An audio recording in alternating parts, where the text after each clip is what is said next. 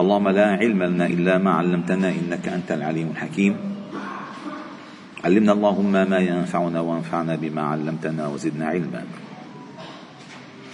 واجعلنا ممن يستمعون القول فيتبعون أحسنه. وأدخلنا برحمتك في عبادك الصالحين. ربنا اشرح لنا صدورنا ويسر لنا أمورنا. واحلل عقد ألسنتنا ليفقه الناس قولنا. ربنا آتنا في الدنيا حسنة وفي الآخرة حسنة وقنا عذاب النار. ربنا لا تزغ قلوبنا بعد إذ هديتنا وهب لنا من لدنك رحمة إنك أنت الوهاب. ربنا آمنا بما أنزلت واتبعنا الرسول فاكتبنا مع الشاهدين. ربنا آتنا من لدنك رحمة وهيئ لنا من أمرنا رشدا. ربنا آتنا من لدنك رحمة وعلمنا من لدنك علما. ربنا آتنا من لدنك رحمة وانشر علينا من رحمتك وهيئ لنا من أمرنا مرفقا. وبعد أيها الأحباب الكرام لا نزال معكم في كتاب الشفاء بتعريف حقوق المصطفى صلى الله عليه وسلم للإمام القاضي عياض أبي الفضل رحمه الله تعالى. وهذا مجلسنا السبعون بعون الله تعالى وتوفيقه. قال وقد قال عليه السلام ما كان لنبي أن تكون له خائنة الأعين. فكيف أن تكون له خيانة قلب؟ يعني النبي صلى الله عليه وسلم ظاهره كباطنه. لا يمكن أن يظهر شيء ويخفي شيئا آخر. لا يمكن أن يظهر شيء ويخفي شيئا آخر. قال فإن قلت. فما معنى إذن؟ قوله تعالى في قصة زيد بن حارثة وإذ تقول للذي أنعم الله عليه وأنعمت عليه أمسك عليك زوجك واتق الله وتخفي في نفسك ما الله مبديه. وتخشى الناس والله حق أن تخشاه. كيف؟ كيف ذلك؟ لذلك لما قلنا أن مقدمات العصمة مهمة هذا نفهم المآل يعني المقصود من ذلك. فعندما لأن العلمانيون أو لأن العلمانيين والمتصيدين بالماء العكر كأمثال المتفلسفة الجدد أخذوا هذه الآية واسترسلوا فيها استرسال الشياطين. حط عينه على زينب. شو؟ هيك هيك أنا قرأت يعني. وهو ما بده شو هالكلام؟ هذا نبي الله صلى الله عليه وسلم. بعدين هي ابنة عمته. إن يعرفها هلا حتى شافها؟ قال هو شافها؟ أعجبته رغم شافها أول مرة هو. كلام سيء. بدل على قلة بضاعة صاحبه. وتدل كذلك على سوء نية وطويته. أن يتكلم مع النبي صلى الله عليه وسلم. مع النبي. طيب. خلينا ناخذ المسألة جدلا. طيب هل لو كان النبي حاشاه أن يفعل ذلك أن تقال آية في كتاب الله؟ كان محاها وخباها شو هالشغلة؟ مزبوط تقرأ إلى الآن. تقرأ إلى الآن. مع من؟ مع زيد. حبه. يقال له ابن ابن محمد. يقال زيد ابن محمد. مع حبه. ومن من؟ في المجتمع المدني الذي كله منافقون؟ حاشا وكلا. دائما السياق الآية سياق الآية السابق واللاحق هو الذي يوضح المعنى. هو الذي يوضح المعنى. أول الآية وما يكون وما كان لمؤمن ولا مؤمنة إذا قضى الله ورسوله أمرا أن يكون لهم الخيرة من أمرهم.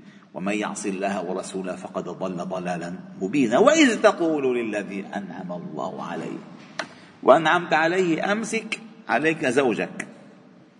اتق الله. إمساك الزوجة لزيد ألا يطلقها. هلأ في سياق تفسير الحديث أو الآية تكتشف المعاني الجميلة التي توطها هذه الآية. قال فاعلم أكرمك الله ولا تسترب أي لا, تت... لا تشكك. الربا والشك. لا تسترب. لا تسترب في تنزيه النبي صلى الله عليه وسلم عن, عن هذا الظاهر وأن يأمر زيدا بإمساكها وهو يحب تطليقها. إياه. إياك أن تظن ذلك. لا خليها خليها وهو بنفسه عم يقول طلقه طلقه طلقه. أعوذ بالله. قال لا تسترب في تنزيه وسلم. عن هذا الظاهر وأن يأمر زيدا بإمساكها ويحب تطليقه إياها كما ذكر عن جماعة المفسرين وأصح ما في هذا القول ما حكاه للتفسير قال عن علي بن حسين علي رضي الله عنه عنهما قال أن الله تعالى كان أعلم نبيه صلى الله عليه وسلم أن زينب ستكون من أزواجه. فلما شكاها إليها زيد قال له أمسك عليك زوجك واتق الله. هو يعلم أنها زوجته في, في الآجل. ولكن ما هو بحدد إمتى؟ أمسك عليك زوجك واتق الله. قال وأخفى في نفسه ما أعلمه الله به من أنه سيتزوجها. مما الله مبديه بعد ومظهره بتمام التزويج وطلاق زيد لها. ليش؟ حتى يبطل حكم التبني. لا لا يجوز أن يتزوج كان عند العرب. حتى كان ببداية الإسلام هي زوجته ابنه فلا يصح أن يتزوجها فأبطل هذا الحكم بزواجه هو منها صلى الله عليه وسلم. قال وروى نحوه عمرو بن فائد عن الزهري قال نزل جبريل عليه السلام على النبي صلى الله عليه وسلم يعلمه يعلمه أن الله يزوجه زينب بنت جحش فذلك الذي أخفى في نفسه. أو يعلم. يعني المستقبل يعلم أن زوجته. ويصحح هذا قول المفسرين في قوله تعالى بعد هذا وكان أمر الله مفعولا أي لا بد لك أن تتزوجها ويوضح هذا أن الله لم يبدي من أمره معها غير زواجه إياها فدل أنه الذي أخفاه عليه السلام مما كان أعلمه الله تعالى به. وقوله تعالى في آخر القصة في بقية الآيات ما كان على النبي من حرج فيما فرض الله له. سنة الله الذين في الذين قالوا من قبل وكان أمر قدرا مقدورا. فدل على أنه لم يكن عليه حرج في الأمر. ما أقول يكون في حرج ويعمله حاشا. قال الطبري رحمه الله تعالى ما كان الله ليؤثم نبيه صلى الله عليه وسلم فيما أحل له مثال فعله لمن قبله من الرسل. قال الله تعالى سنه الله في الذين خلوا من قبل أي من النبيين فيما أحل لهم. ما معقول يحرم الله عليه شيء وهو يفعله؟ حاشا ولو كان على ما روي من حديث قتادة من وقوعها من قلب النبي صلى الله عليه وسلم عندما أعجبته ومحبته طلاق زيد لها لكان فيه أعظم الحرج. فعلا حرج لأنه كان هو عم يتمناها. هو لا يتمنى الله أعلمه أنها ستكون زوجته زوجته. قال وما لا يليق به من مده عينيه لما نهي عنه من زرح الدنيا ولكان هذا نفس الحسد المذموم الذي لا يرضاه ولا يتسم به الأتقياء فكيف سيد المرسلين؟ حاشا. وين مثلا اجى عندك ومعه ساعة. شو معه؟ ساعة.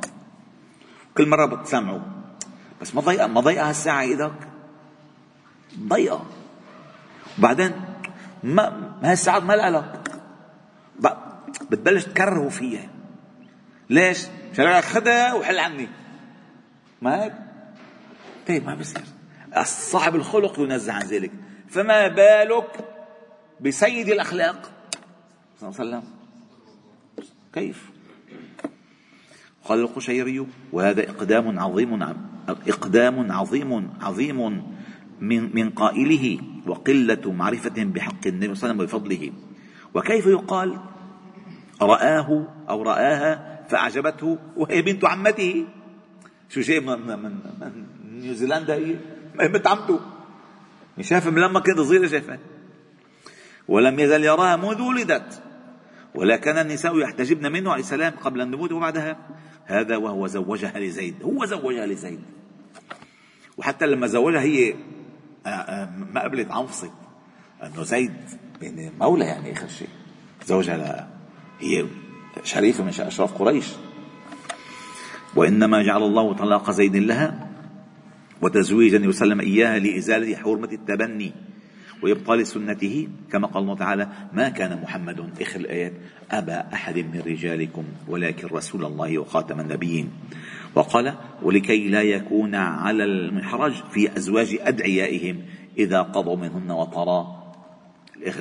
ونحوه قال لابن فورك أو فورق بصحتنا قال أبو الليث السمرقندي فإن قيل فما الفائدة في أمر النبي صلى الله عليه وسلم لزيد بإمساكها؟ فهو ليش؟ شو الحكمة قال أن الله تعالى أعلم نبيه أنها زوجته. فنهاه النبي صلى الله عليه وسلم عن طلاقها إذ لم تكن بينهما ألفة. ما كانوا متفقين.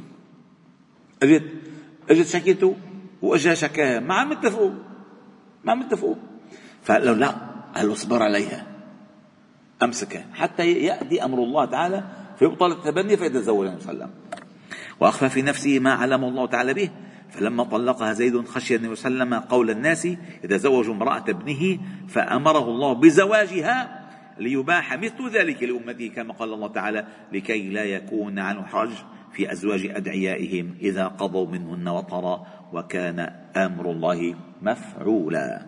وقد قيل كان أمره لزيد بإمساكها قمعا للشهوة وردا للنفس عن هواها وهذا القول إذ إذا جوزنا عليه السلام أنه رآها فجأة واستحسنها هذا لا, نك لا نكرة فيه لما طبع عليه ابن آدم من استحسان الحسن ونظرة الفجاءة معفو عنها ثم قمع نفسه عنها وأمر زيدا بإمساكها وإنما تنكر تلك الزيادات التي في القصة كل منكرة.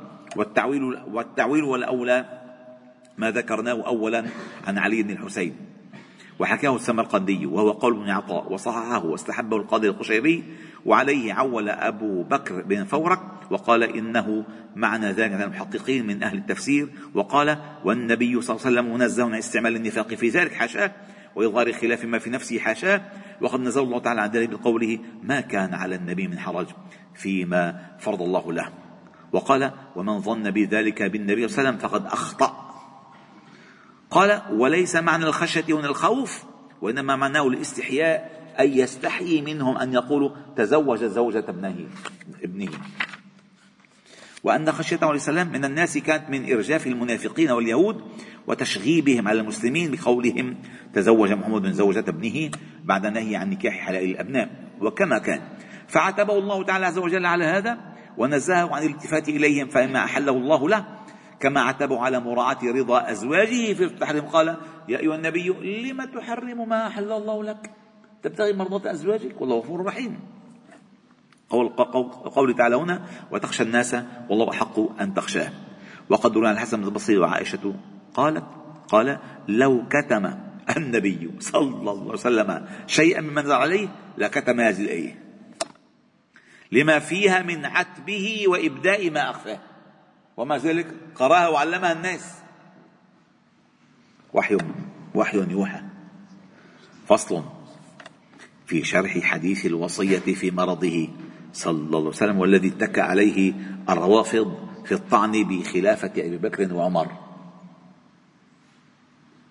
والهجوم على عمر أنه آه، آه، تكلم في كلام لا يليق هذا كله كله جهل باللغة العربية. وجهل جهل.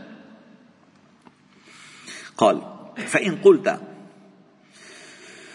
فقد تقررت عصمته عليه السلام في جميع أقواله وأحواله وأنه لا يصح منه ما فيه فيها خلف ولا اضطراب في عمد ولا سهو ولا صحة ولا مرض ولا جد ولا مزح ولا رضا ولا غضب ولكن ما معنى الحديث صلى الله عليه وسلم الذي حدث به القاضي الشهيد أبو علي الصدفي رحمه الله؟ قال حدثنا القاضي أبو الوليد حدثنا أبو ذر حدثنا أبو محمد أو أبو الهيثم وأبو إسحاق قالوا حدثنا محمد بن يوسف حدثنا محمد بن إسماعيل البخاري يعني. حدثنا علي بن عبد الله حدثنا عبد الرزاق ابن همام حدثنا معمر عن الزهري عن عبد الله قال عن ابن عباس قال لما حضر أن وسلم وفي, وفي البيت رجال إن حضر الوفاة يعني. فقال صلى الله عليه وسلم هلموا. أكتب لكم كتابا لن تضلوا بعده. هلموا. أكتب لكم كتابا لن تضلوا بعده. فقال بعضهم النبي صلى الله عليه وسلم قد غلبه الوجع الحديث. وفي رواية قال إيتوني أكتب لكم كتابا لن تضلوا بعدي ابدا. فتنازعوا فقالوا ما له؟ أهجر؟ استفهموه. فقال دعوني. فإن الذي أنا فيه خير. وفي بعض طرقه عليه وسلم يهجر وفي رواية هجر يروى أهجر أهجر ويروى أهجرا. هلا هلا سيذكر معنى الهجر. وفيه قال عمر إن النبي صلى الله عليه وسلم قد اشتد به الوجع وعندنا كتاب حسبنا وكثر اللغط فقال قوموا عني. أنا مش أعطيكم مفتاح مفتاح الحديث. في الحديث في روايات أنهم هم طلبوا منه أن يكتبوا كتاب وصيته لهم. وشددوا عليه بذلك. فقالوا طيب أعطونا الكتاب. فلما شافوه تعبان ف سيدنا عمر قال لا افرده. ما ما ما ليش؟ لأن ما عندنا يكفي. والآية نزلت اليوم أكملت لكم دينكم. ما كنت عليكم نعمتي. فما في داعي. لا تتعذبوا. بتعرفوا أوقات اللي بيعود بيعودوا المرضى غلاظ. أحيانا بيكون سماك. حاجة الصحابه بس أحيانا الإنسان بيروح بيقعد وبيقعد وما بيقوم. ما بيقوم. زيارة زيارة المريض خفيفة لازم تكون. وبس رجاء, الدعاء بس. وتخفيف عنه. الدعاء قاله ستيت وبس. بس ما إنه يعني يحضر ماتش جول معه. لا. ففي مرض موته كما في ثبت في الحديث. وهن قالوا له بدنا كتاب اكتب لنا وصية. ما تتركنا هيك؟ فسيدنا عمر غضب ما تركنا كتاب الله يكفينا. وزيادة خلص وفي رواية قال اختلف أهل البيت واختصموا فمنهم من يقول قربوا له يكتب لكم رسولا كتابا. ومنهم من يقول ما قال عمر. قال أئمتنا في هذا الحديث النبي صلى الله عليه وسلم غير معصوم من الأمراض. وما يكون منها من عوارضها من شدة وجع وغشي ونحوه مما يطرأ على جسمه. معصوم أن يكون منه من القول أثناء ذلك ما يطعن في معجزته ويؤدي إلى فساد في شريعته من هذيان أو اختلاف في الكلام. فلذلك لا يمكن أن يسمع الإنسان بنفسه أن يتكلم بكلام يعني يصلحوا بعدين حاشا. وعلى هذا لا يصح ظاهر رواية من روى هذا الحديث هجر إذ معناه هذا. ويقال هجر هجرا إذا هذا وأهجر هجرا إذا أفحش وأهجر تعدية هجر وإنما الأصل والأولى أهجر أي على طريق الإنكار من على من قال لا يكتب. انه ليش ما بده يكتب ما بيعرف يكتب؟ هجر. وهكذا رواياتنا فيه من صحيح البخاري من رواية جميع الرواة من حديث الزهري المتقدم. وفي حديث معاذ بن سلام عن ابن عيينة وقال وكذا ضبطه الأصيلي بخطه في كتابه وغيره من هذه الطرق. ثم قال وهكذا رويناه عن مسلم من حديث سفيان وعن غيره. وقد تحمل عليه رواية من رواه هاجر على حذف ألف الاستفهام والتقدير أهجر أو أن يحمل قول القائل هجر أو أهجر دهشة من قائل ذلك. وحيرة لعظيم ما شاهد من حنه وسلم وشدة وجعه. وهول المقام الذي اختلف فيه عليه والأمر الذي هم الكتاب الكتاب فيه حتى لم يضبط هذا القائل لفظه وأجرى الهجرة مجرى شدة الوجع. لا أنه اعتقد أنه يجوز عليه الهجر حاشا وكما حملهم الإشفاق على حراسته. والله تعالى يقول والله يصمك من الناس ونحو هذا. إذا المسألة كلها فيها تنزيه النبي صلى الله عليه وسلم. عما أنه كان بده يكتب لهم أنه علي بعدي.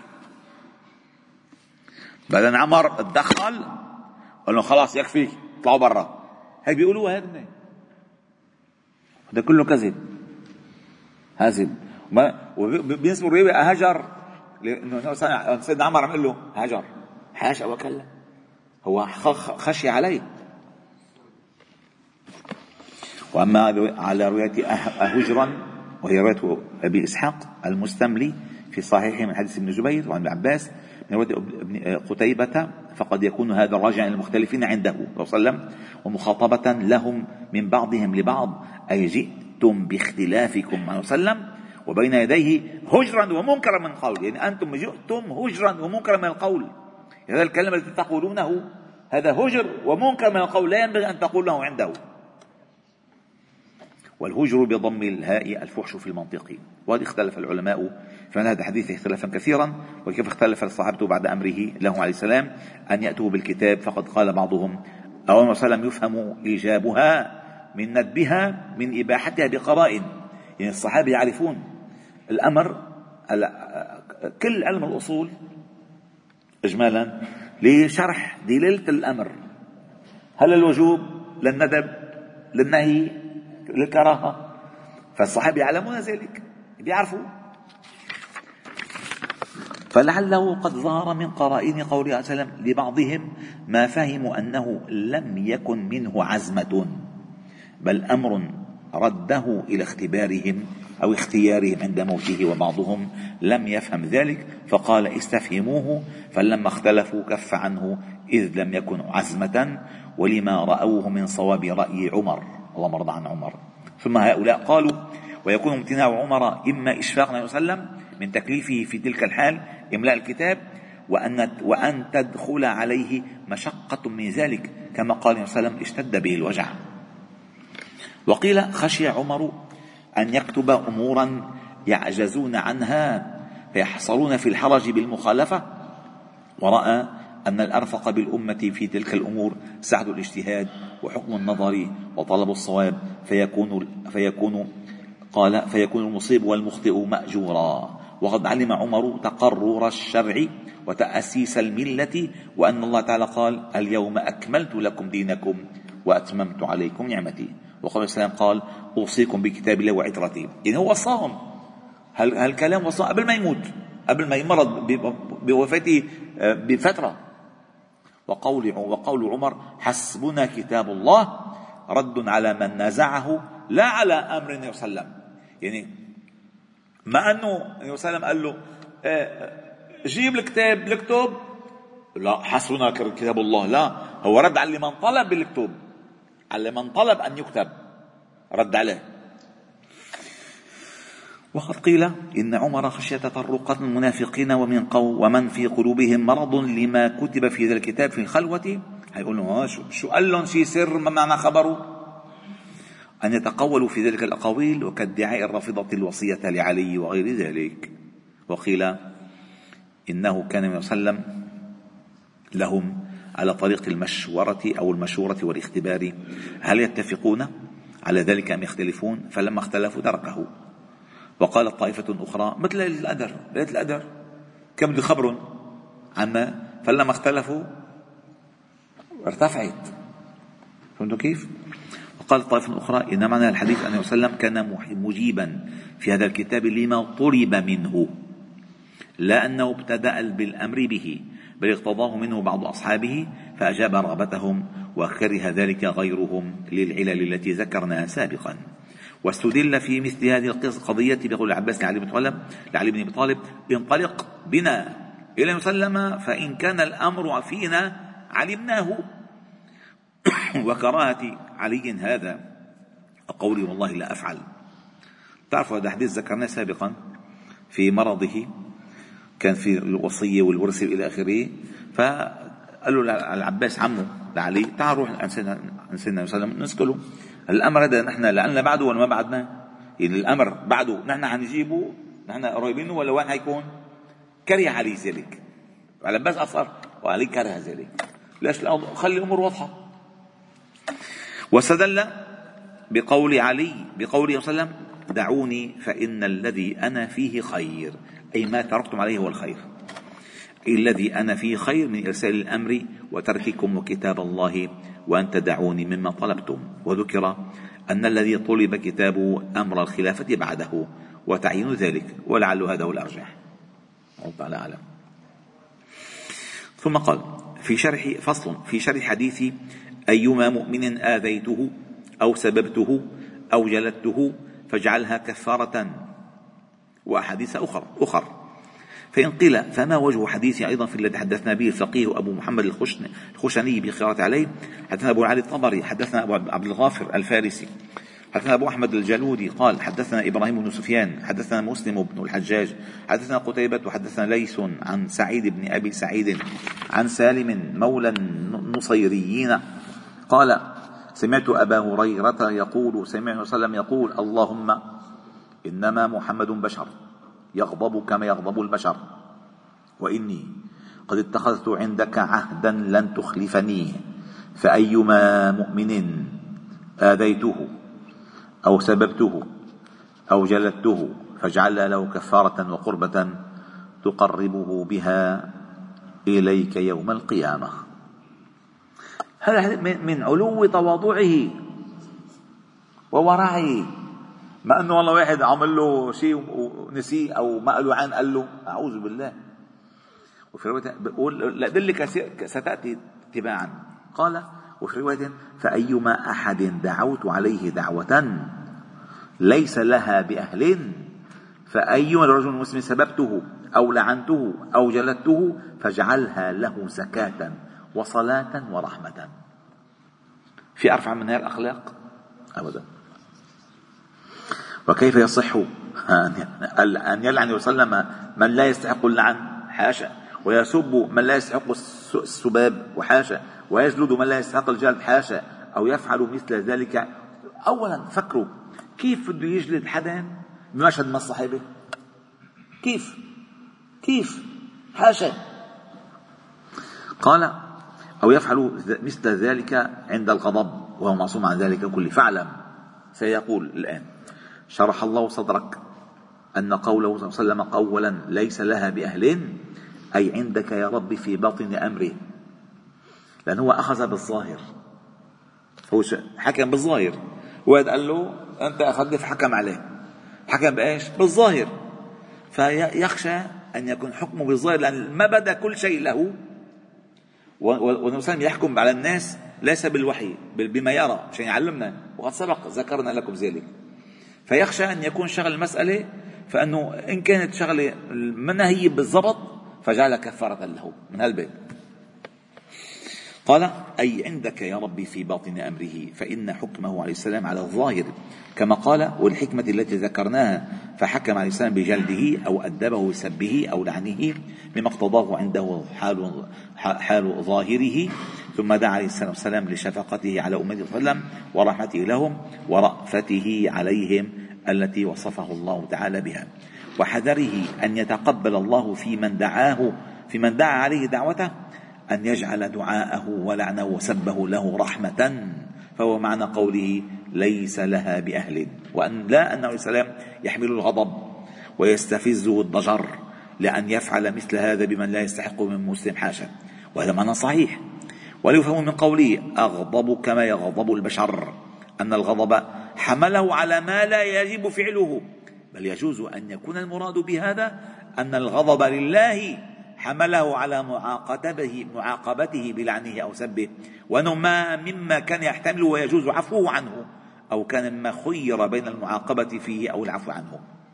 وقد يحتمل أنه خرج من ذلك بمخرج الإشفاق وتعليم أمته الخوف والحذر من تعدي حدود الله تعالى لأن الحدود تدرى بالشبهات.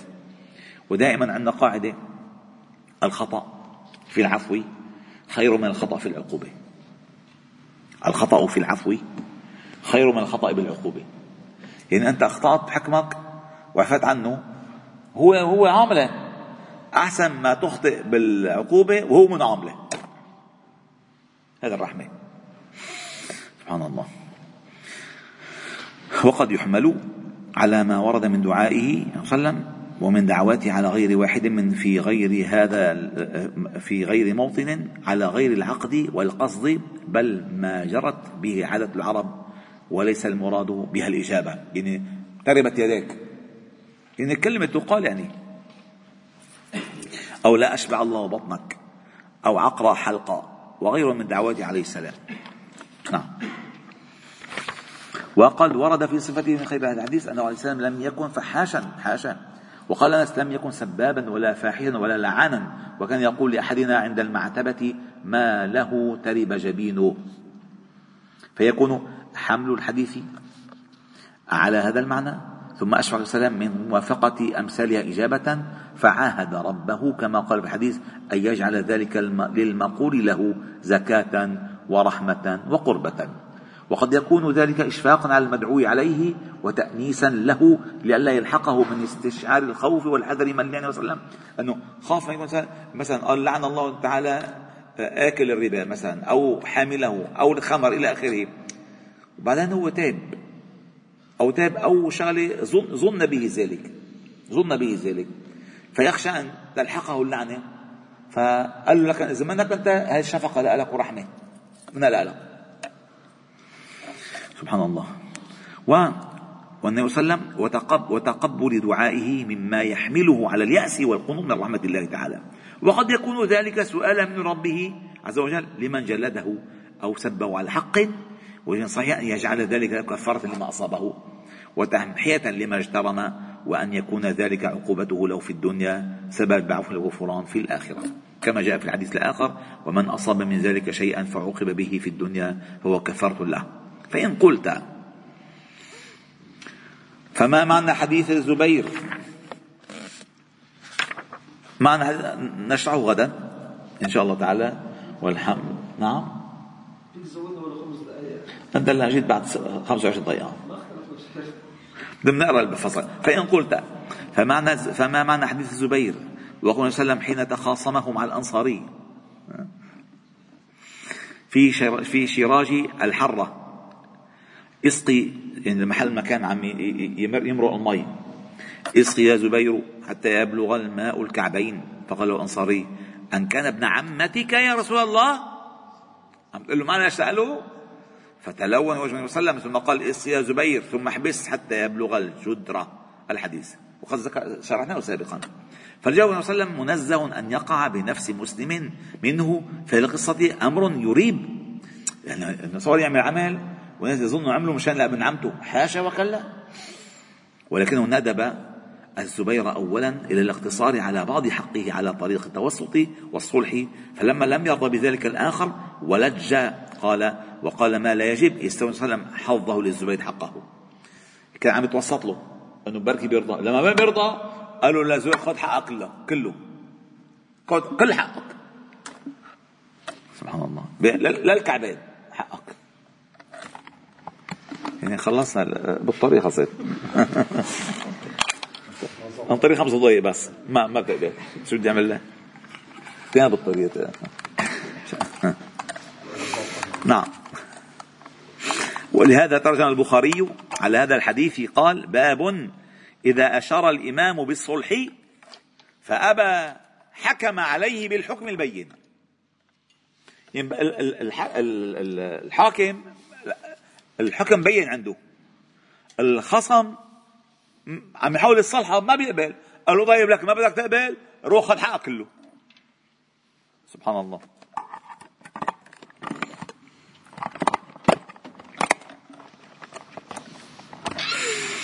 وذكر في آخر الحديث فاستوعى وسلم حينئذ للزبير حقه أي استوعبه. وقد جعل المسلمون هذا الحديث أصلا في قضيته أي في قضائه. وفي الاقتداء صلى الله عليه وسلم في, في كل ما فعله في حال غضبه ورضاه وأنه وإنها أن يقضي القاضي وهو غضبان فإنه في حكمه في حال الغضب والرضا سواء هو لا يغضب ولا يغضب في الحكم. لكونه فيها فيهما معصوما وغضب وسلم في هذا إنما كان لله تعالى لا لنفسه كما لأنه كان بده يحاول الإصلاح. والصلاح دائما في عد مغبون. دائما. وكذلك الحديث وكذلك الحديث في إيقادته عكاشة. من نفسه.